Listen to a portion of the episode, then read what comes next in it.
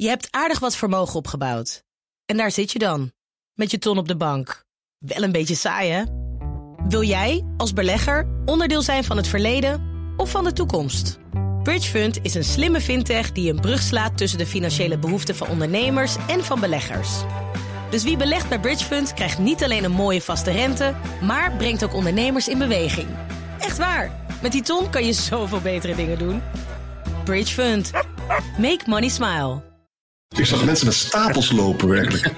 De laatste keer dat ik dat zag was bij uh, het verschijnen van de laatste Stones LP. Dit is net zoiets, maar dan zeg maar op Ja. geopolitiek terrein. Boekenstein en de Wijk voorspellen de toekomst. Alle ellende in de wereld bij elkaar en hoe het verder moet. Koop dat boek. Je kunt ermee opscheppen en over je vrienden hoe erudiet je bent. Ik heb het zelf ook gekocht. Blijf scherp. BNR Nieuwsradio. Boekenstein en de Wijk. Paul van Liemt. Welkom bij Boekenstein en de Wijk. Het is donderdag dag 673 van de oorlog in Oekraïne en dag 83 in Gaza. We hebben vandaag heel veel vragen van alle luisteraars en fans ook binnengekregen. Heel veel dank eh, daarvoor, voor het insturen. We beginnen met eh, Steven Brahalmeren, want ja, er zijn echt veel vragen, dus geen tijd te verliezen zou ik zeggen. Hij wil weten... Wat is de grootste reden dat het veelbelovende zomeroffensief van Oekraïne niet is geslaagd, terwijl vorig jaar juist wel veel terreinwinst werd geboekt? Hoe komt dat? Ik denk dat je een kort antwoord op eh, kunt eh, geven. Het eh, stagneerde aan het eind van het vorig jaar toen Kharkov en, ehm eh, Gerson werden ingenomen. Dus in het, laten we zeggen, het uiterste oosten en het, en het hele westen van het, van het front. Toen stagneerde het. En wat je dan ziet, is dat de Russen bezig zijn gegaan om zich in te graven. Toen hebben ze pakweg 1200 kilometer fortificaties eh, ingericht. En ehm, daar zijn de Oekraïners niet doorheen gekomen. Er is ook een fout gemaakt aan het begin van dit jaar.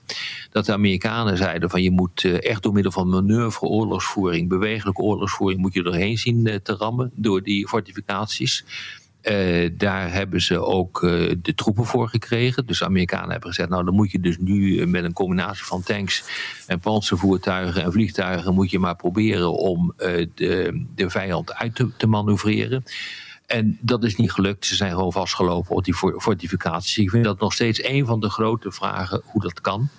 Eh, hoe dat advies er, eh, er zo is eh, gekomen. Eh, want eh, zelfs wij in onze podcast eh, konden constateren dat het helemaal niet kon.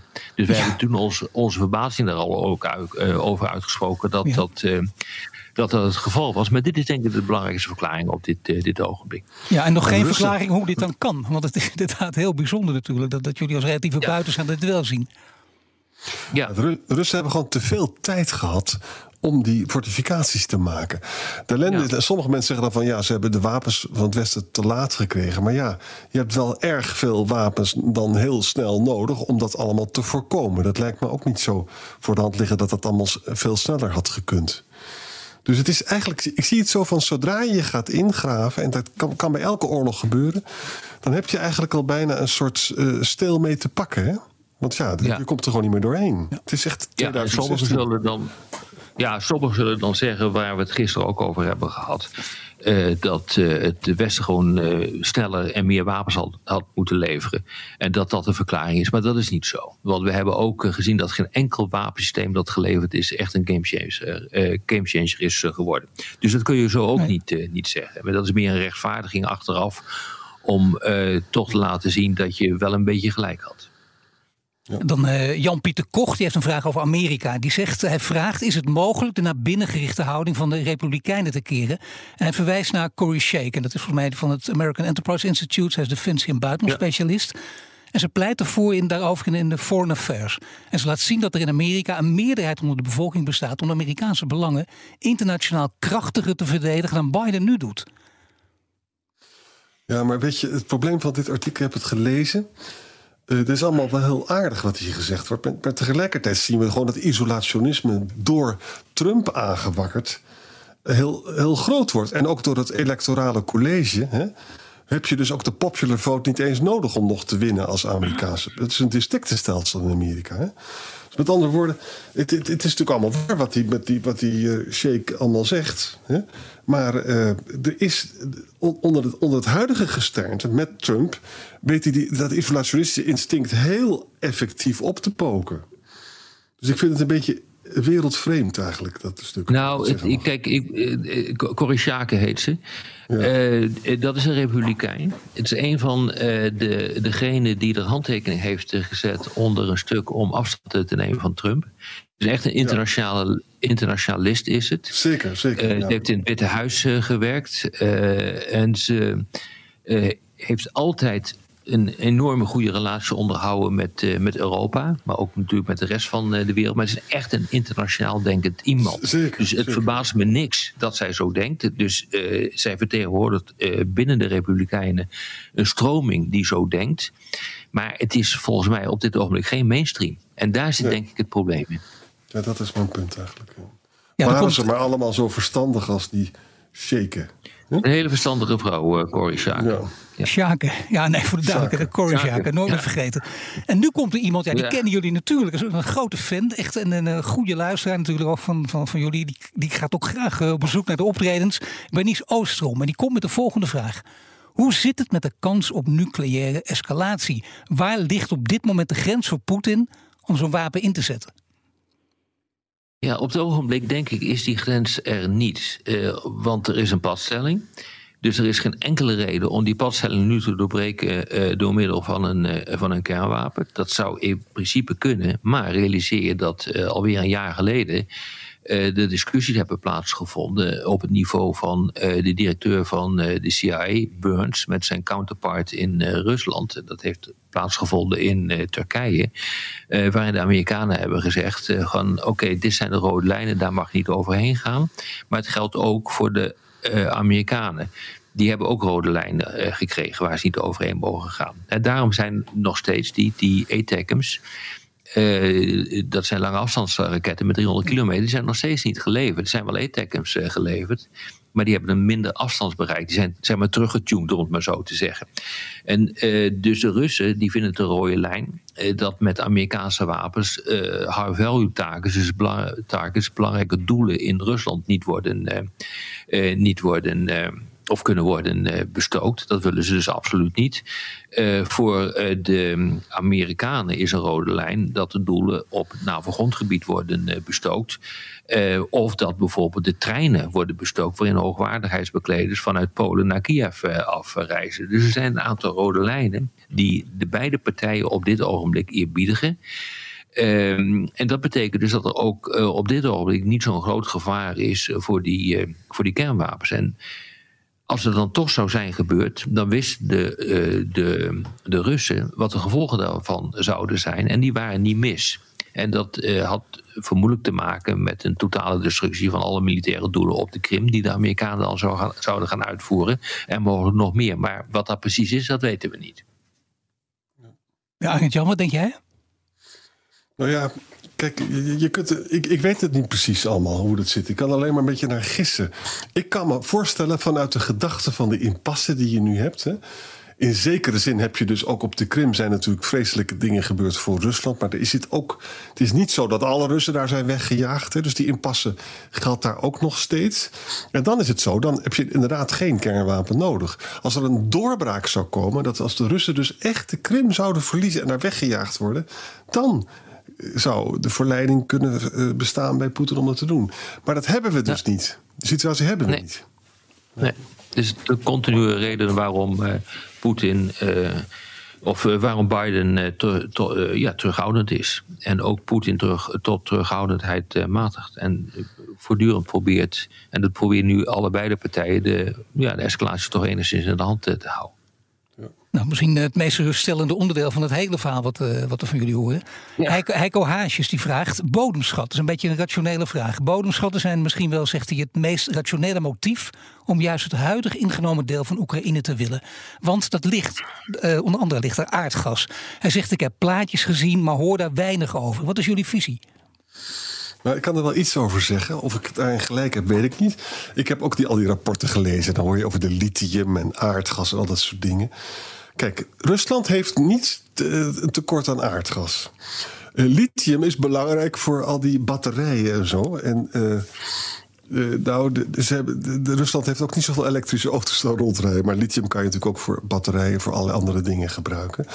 het valt mij op dat in de serieuze analyses dit, dat hele idee van die bodemschatten steeds maar weer van tafel valt. En, ik, en, hoe, en hoe zou je dat kunnen verklaren? Ik verklaar dat omdat voor mij, in mijn analyse, is dus die krankzinnige historische interpretatie van Poetin. Hè, dat Oekraïne niet bestaat, dat het gewoon Rusland is. Dat is voor hem leidend geweest voor die inval. Niet zozeer dat die belofte van Bush eh, dat, dat eh, Oekraïne lid van de NAVO zou kunnen worden, wat later weer werd teruggetrokken hè, door Sarkozy en Merkel. Het is gewoon die belachelijke overspannen historische interpretatie. En, eh, en, en, en het uiteenvallen van de Sovjet dat goed gemaakt moet worden. Dat verklaart waarom hij dit doet. En hij wordt volgens mij veel minder geleid door wensen van de bodemschatten van Oekraïne te jatten. Eens. En het is het eh, land wat de meeste bodemschatten van de hele wereld heeft. En zeker als je wat verder naar het noorden gaat, in de richting van de Noordpool. Uh, die, uh, die ijsmassa daar, die in hoog tempo aan het smelten is, waardoor nieuwe bodemschatten in zicht komen.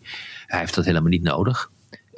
Het enige bijkomende interessante effect voor Poetin is dat als hij het gebied bezet, dat dan de bodemschatten die erin zitten, niet door Oekraïne naar het westen kunnen worden geëxporteerd. Maar dat is een, denk ik een, een prettig bijverschijnsel, waardoor het westen nog wat extra gestart wordt. Dan uh, Roel van Gerwen, die wil iets weten over geallieerde troepen. Hij zegt 18 F-16's kunnen niet veel teweeg brengen. Munitie en manschappen die raken op. En zijn vraag is dan in hoeverre is de inzet van tussen aanhalingstekens geallieerde troepen een no-go? En is het enige alternatief dat Rusland de veroverde gebieden houdt en dus wint? We kunnen geen. geallieerde troepen, dat zou een wereldoorlog betekenen. Ja. ja. Dus dat kan, kan echt niet. Kan echt niet. Je moet, je moet altijd denken in termen van belangen. Wat is het belang dat uh, de westerse landen, zeg maar de NAVO-landen, hebben om troepen daarin te zetten? Hoe belangrijk is Oekraïne voor de veiligheid van, uh, uh, van de NAVO? Nou, het antwoord is eh, indirect wel, maar direct niet. Het is niet een, een absoluut vitaal belang dat Oekraïne overeind blijft. Want je kan namelijk altijd je verdediging compleet inrichten langs de buitengrenzen van de NAVO. Ja. Het is een, een groter belang op dit ogenblik uh, dat uh, Zweden en Finland uh, lid worden van de NAVO. En daardoor ben je in staat om van noord naar zuid een nieuw ijzeren gordijn in te richten. Dan dat Oekraïne, en dat is gewoon een kwestie van belangenafwegingen, compleet binnen de NAVO wordt getrokken. En je bereid bent om daar dus westerse mannen en vrouwen voor op te offeren. Nou, dat, dat is gewoon niet zo op dit ogenblik. Ja, Bismarck, zei, Bismarck zei tegen de O van de uh, de Balkan zijn de botten van een Pommerse grenadier niet waard. Nou, dat gaat dus over belangen, hè? En dat, gaat nou ja, dat, gaat, dat is wat dit is. En dat klinkt ontzettend, ontzettend uh, cynisch.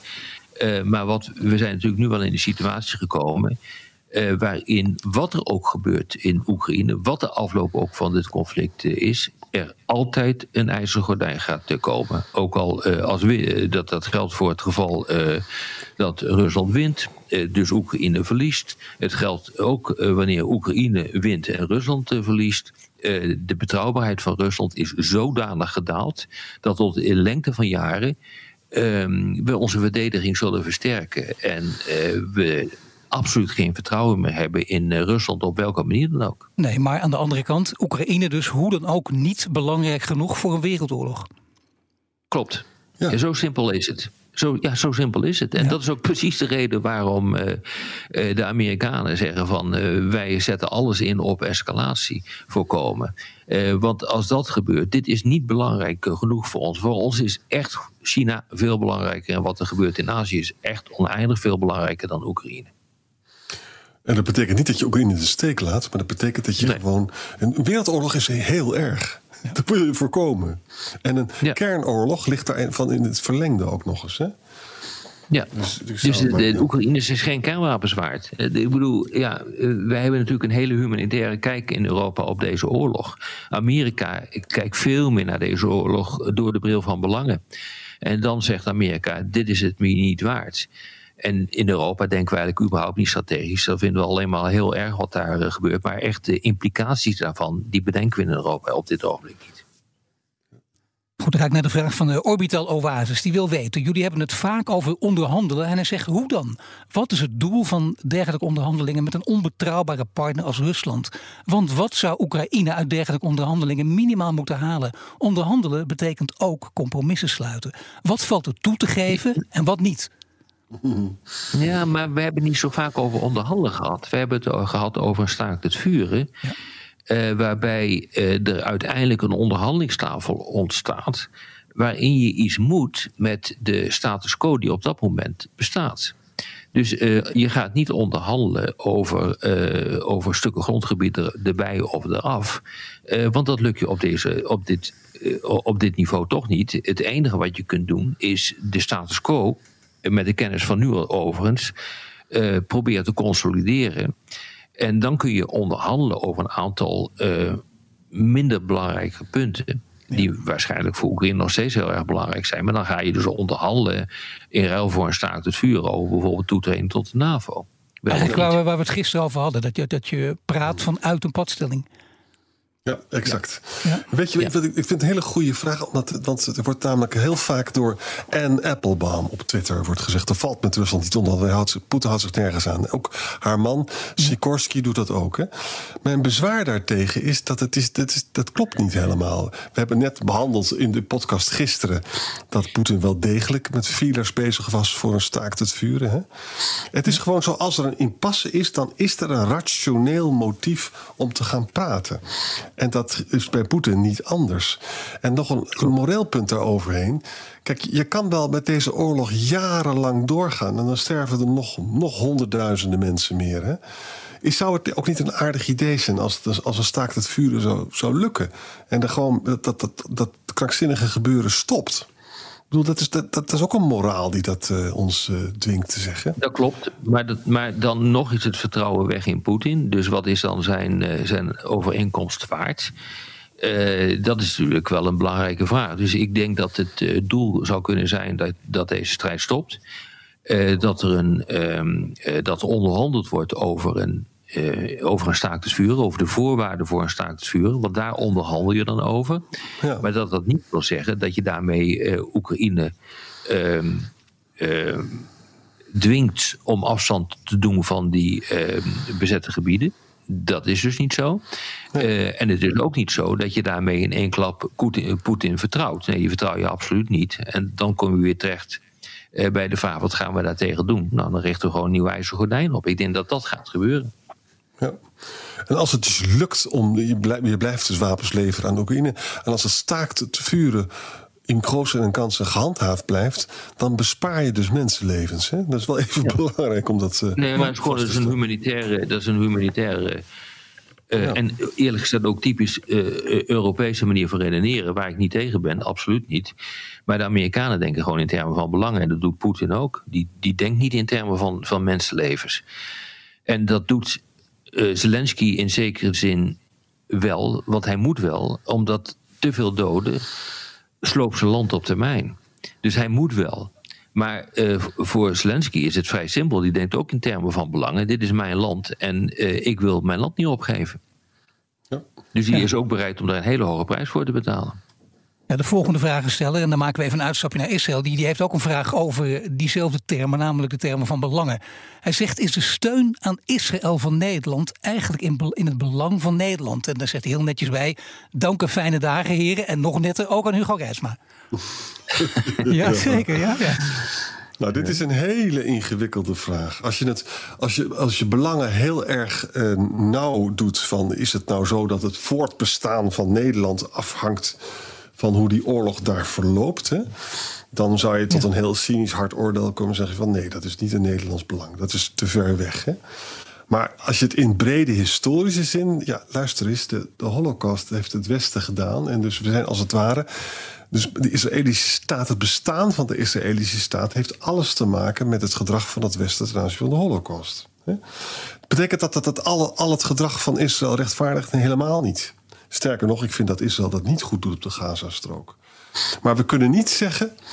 eh, dat de, de, de dus van Hamas, hè, dat, uh, van de River to the Sea, dat is ook onjuist. Want je hebt dus een VN-resolutie liggen van 1947 en ook eentje daarvoor in, wanneer was het, 37, 36, die dus een Israëlische staat in een bepaalde omvang internationaal rechtelijk ook fundeerde. Hè. Dus in die zin moeten we Israël steunen, maar niet tegen alle prijs. En niet ja, het is een moreel, dat is een moreel, het is een moreel vraagstuk. Het is niet zozeer een geopolitiek of een, uh, Of een veiligheidsvraagstuk. Het is een moreel vraagstuk. En uh, zo wordt natuurlijk ook door de meeste Europeanen uh, het vraagstuk van Oekraïne gezien. Dat is een belangrijke mate een moreel vraagstuk.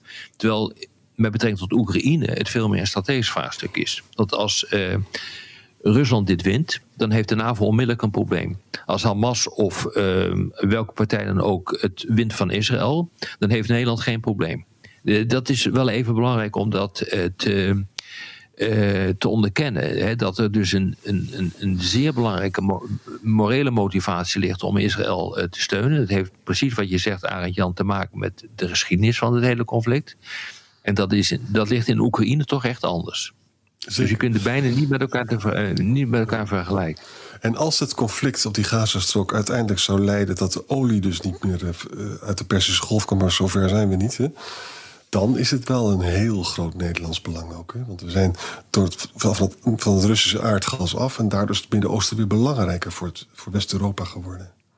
Ja, dat klopt. Dan zouden dus de olieprijs, uh, de olieprijs kunnen verdubbelen. Uh, maar dan is er nog steeds de vraag wat dan het Nederlandse belang is. Misschien is, wordt dan het Nederlandse belang wel enorm om uh, Israël tot matiging te dwingen, ja, uh, verder zeker. tot matiging te dwingen. Zeker. En het te streven naar een, te dwingen tot een, laten we zeggen, twee-staten-oplossing. Om ervoor te zorgen dat die oorlog daar ophoudt. Dus het is een hele andere manier van redeneren. Dus je kunt, ook hier kun je de vergelijking niet trekken met, met Oekraïne. We deed de vraag stellen trouwens ook niet hoor. Nee. Nee, dan heb ik, een, heb, ik een vraag, uh, heb ik een vraag van Nick Brinkman. En dan ben ik echt geïnteresseerd naar jullie antwoord. Want het is eigenlijk een vraag die mij ook al op de lippen brandt. Zijn vraag is: het afgelopen jaar hebben we gezien dat er veel invloedrijke Russen. door niet geheel, onop, of niet geheel opgelde omstandigheden om het leven zijn gekomen. En even ja. dacht hij, dus uh, deze Nick Brinkman, die dacht dat Navalny hetzelfde lot was beschoren. Maar hij is toch weer opgedoken. Waarom ontdoet Poetin zich niet gewoon van Navalny? Dat is een goede Omdat hij daarmee een stap te ver gaat. En omdat hij daarmee de toorn van de hele westerse wereld over zich uh, heen uh, haalt. En er meer sancties komen in de richting van, uh, van Rusland. Ik denk dat hij daarmee een stap te ver gaat. Als hij dat gaat doen. Maar waar hij hem nu heeft geparkeerd. Ja. Ergens tegen de Poolcirkel aan. Waar je ja. eigenlijk niet bij kunt komen. Is al veelzeggend genoeg. dus hij is nu van hem af. En tegelijkertijd leeft hij nog wel. En ik denk dat dat dat politiek gezien was dit een stap te ver. Dus iedereen die uit ramen is gegooid uh, het af, de afgelopen jaren, uh, ja. dat heeft nooit heel veel rimpelingen veroorzaakt. Nooit echt een diplomatieke rel veroorzaakt met het Westen. Dat zou nu wel het geval, is, uh, het geval zijn. Ik denk dat hij dat gewoon er niet bij wil hebben. En hij, hij, hij Navalny kwijnt gewoon weg in die vreselijke gevangenis. Hè? Wat ik ook, ook opvalt, Rusland is zo repressief, ja. jongens, dat die, die, die beweging van Navalny eromheen, die was hartstikke groot. Hè? Ze zaten in allerlei steden en dan gingen ze ook samenwerken. Alle, alle niet-Poetin-partijen gingen dan samenwerken. Dat is allemaal gebroken uit angst voor wat er met Navalny is gebeurd. Hè? Dus Poetin zit gewoon ongelooflijk stevig ja. in het zadel. Nou, binnen, maar binnenlandse politiek kan hij zich ook niet permitteren. Uh, hij, uh, hij weet, het is niet groot, maar hij weet nog steeds dat Navalny een uh, redelijke aanhang heeft. Ja, je wil ook niet dat in aanloop naar de verkiezingen die, die mensen de straat op gaan. Dat, dat wil je gewoon niet. Je, de, de, de effecten daarvan zijn denk ik te groot. Als hij hem al om zeep wil helpen, dan moet hij dat doen na de verkiezingen. Exact. Ja, dus die kans bestaat wel degelijk dat hij dat alsnog gaat doen. Terwijl Navalny zich heel sterk opstelde, ook nog grapjes maakte in deze situatie. Ja, ongelooflijk. Ja, is onvoorstelbaar. Ja. Goed, Barry Keuters die heeft een uh, wat algemenere vraag. Die gaat over autocratie en een democratie. Hij zegt, nu mondiaal steeds meer autocratieën de macht grijpen... hoe zal dit op lange termijn eruit gaan zien? Is er nog hoop voor functionerende democratieën? Of kunnen we langzaam gaan concluderen... dat de mens zelf wellicht nog niet klaar is voor dit project? De, namelijk democratie. Goeie vraag. Ja, dit, is een beetje te pessimistisch hoor. We hebben dus een aantal democratische golven gehad hè? in, in de 20e eeuw. Uh, en, nu, op dit moment gaat dat niet zo goed. Er zijn inderdaad de autocratieën en de, en liberale democratie zijn in opmars. Maar het is ook zo, jongens, om een heel lang verhaal kort te maken. Het is ook zo het feit dat Poetin zo bang is voor een democratisch Oekraïne.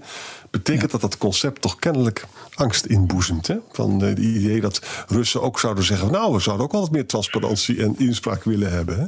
Het feit dat Xi zo bang is voor dat Chinese burgers ook die democratie van Taiwan, is niet echt een democratie, maar wel beter dan in China willen, betekent dat het kennelijk toch als aantrekkelijk uh, wordt gezien. Hè?